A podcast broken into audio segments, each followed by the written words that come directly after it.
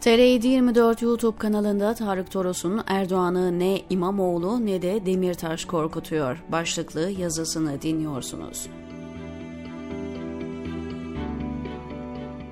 2022 biterken görülen şu, iktidar nasıl ki seçimi çantada keklik görmüyorsa, muhalefet de bir o kadar iktidara hazır değil.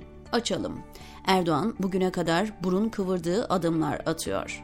İçeride emeklilikte yaşa takılanların önündeki bariyeri kaldırması, dışarıda Suriye, Mısır, İsrail, Suudi Arabistan başta olmak üzere barış çubuğu tüttürmesi, siyasi rakiplerinin icabına yargıda bakmaya çalışması, Ekrem İmamoğlu'na siyasi yasak ve HDP'yi kapatma davası ekonomiyi Katar Suud sermayesiyle fonlaması, muhalefetin haber kanallarını tıkayıp dezenformasyona yol vermesiyle bunu saklamıyor. Rahat olan bir iktidar bunları yapmazdı. Önceki seçimlerde yaptığı gibi bildiğini okurdu.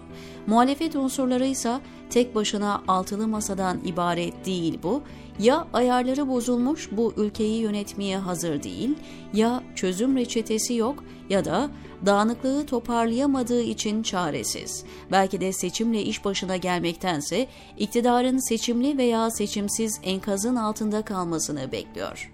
Çökmüş bir iktidardan yönetimi devralmak mı, seçim kazanıp hızla toparlanmak mı? Kimi partiler kendini seçim sonrasına hazırlarken bunu gözettiklerine kuşku yok.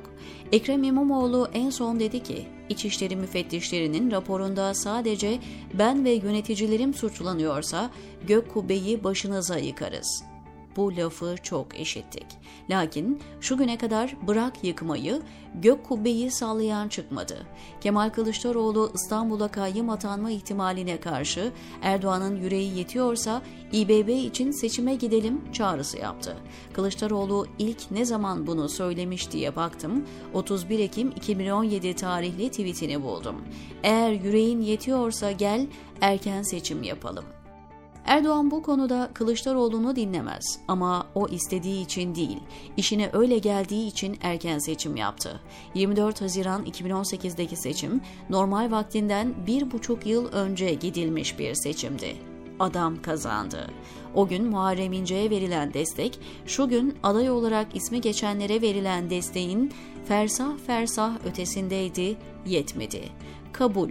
İnce ortak aday değildi. Akşener, Demirtaş, Karamollaoğlu da aday olmuştu. Her parti kendi adayını çıkarmıştı. Totalde %50'yi bulamadılar. Çıkan mesaj güçlü, kazanabilecek ortak aday mesajıydı. İki aday bu mesajı aldı ve stratejisini buna göre belirledi. Akşener ve Demirtaş. Bugün ülkede kuduz aşısı bulunamadığı için ölen çocuklar var. Seçmen saçma yaz saati uygulamasına bile itiraz edemiyor. Büyük şehirlerdeki birkaç semtin dışında sefil hayatlar yaşanıyor. Et, ateş pahası. İkinci el araçlar el yakıyor. Marketlerdeki poşet fiyatını bile belirleyen bir devlet var ve dünyada yok bunlar. Türkiye AKP öncesine kadar iktidarın seçimle değiştirilebildiği bir ülkeydi.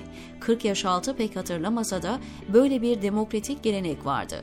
CHP veya İyi Parti seçmeninde problem yok onların oyu cepte.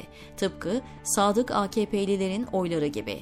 Erdoğan iki tür seçmeni kontrol etmeye çalışıyor. İlki kendine asla oy vermeyecek Kürt seçmen, onları bölmeye, küstürmeye becerebilirse sandıktan uzak tutmaya çalışıyor. İkinci grupsa bir türlü ikna edemediği muhafazakar taban.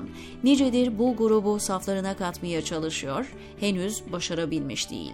Yapamazsa onları da küstürüp sandıktan uzak tutmaya çalışacak. Oyun planı bu. Erdoğan'ı devirmeyi amaçlayanların asıl bu gruba güven vermesi icap ediyor. Muhalefet bu grubun tercihlerinin ne kadar farkında soru işareti. Seçimi belirleyecek olan da bu. Kürt oyları kadar mühim diyor Tarık Toros TR724'teki köşesinde.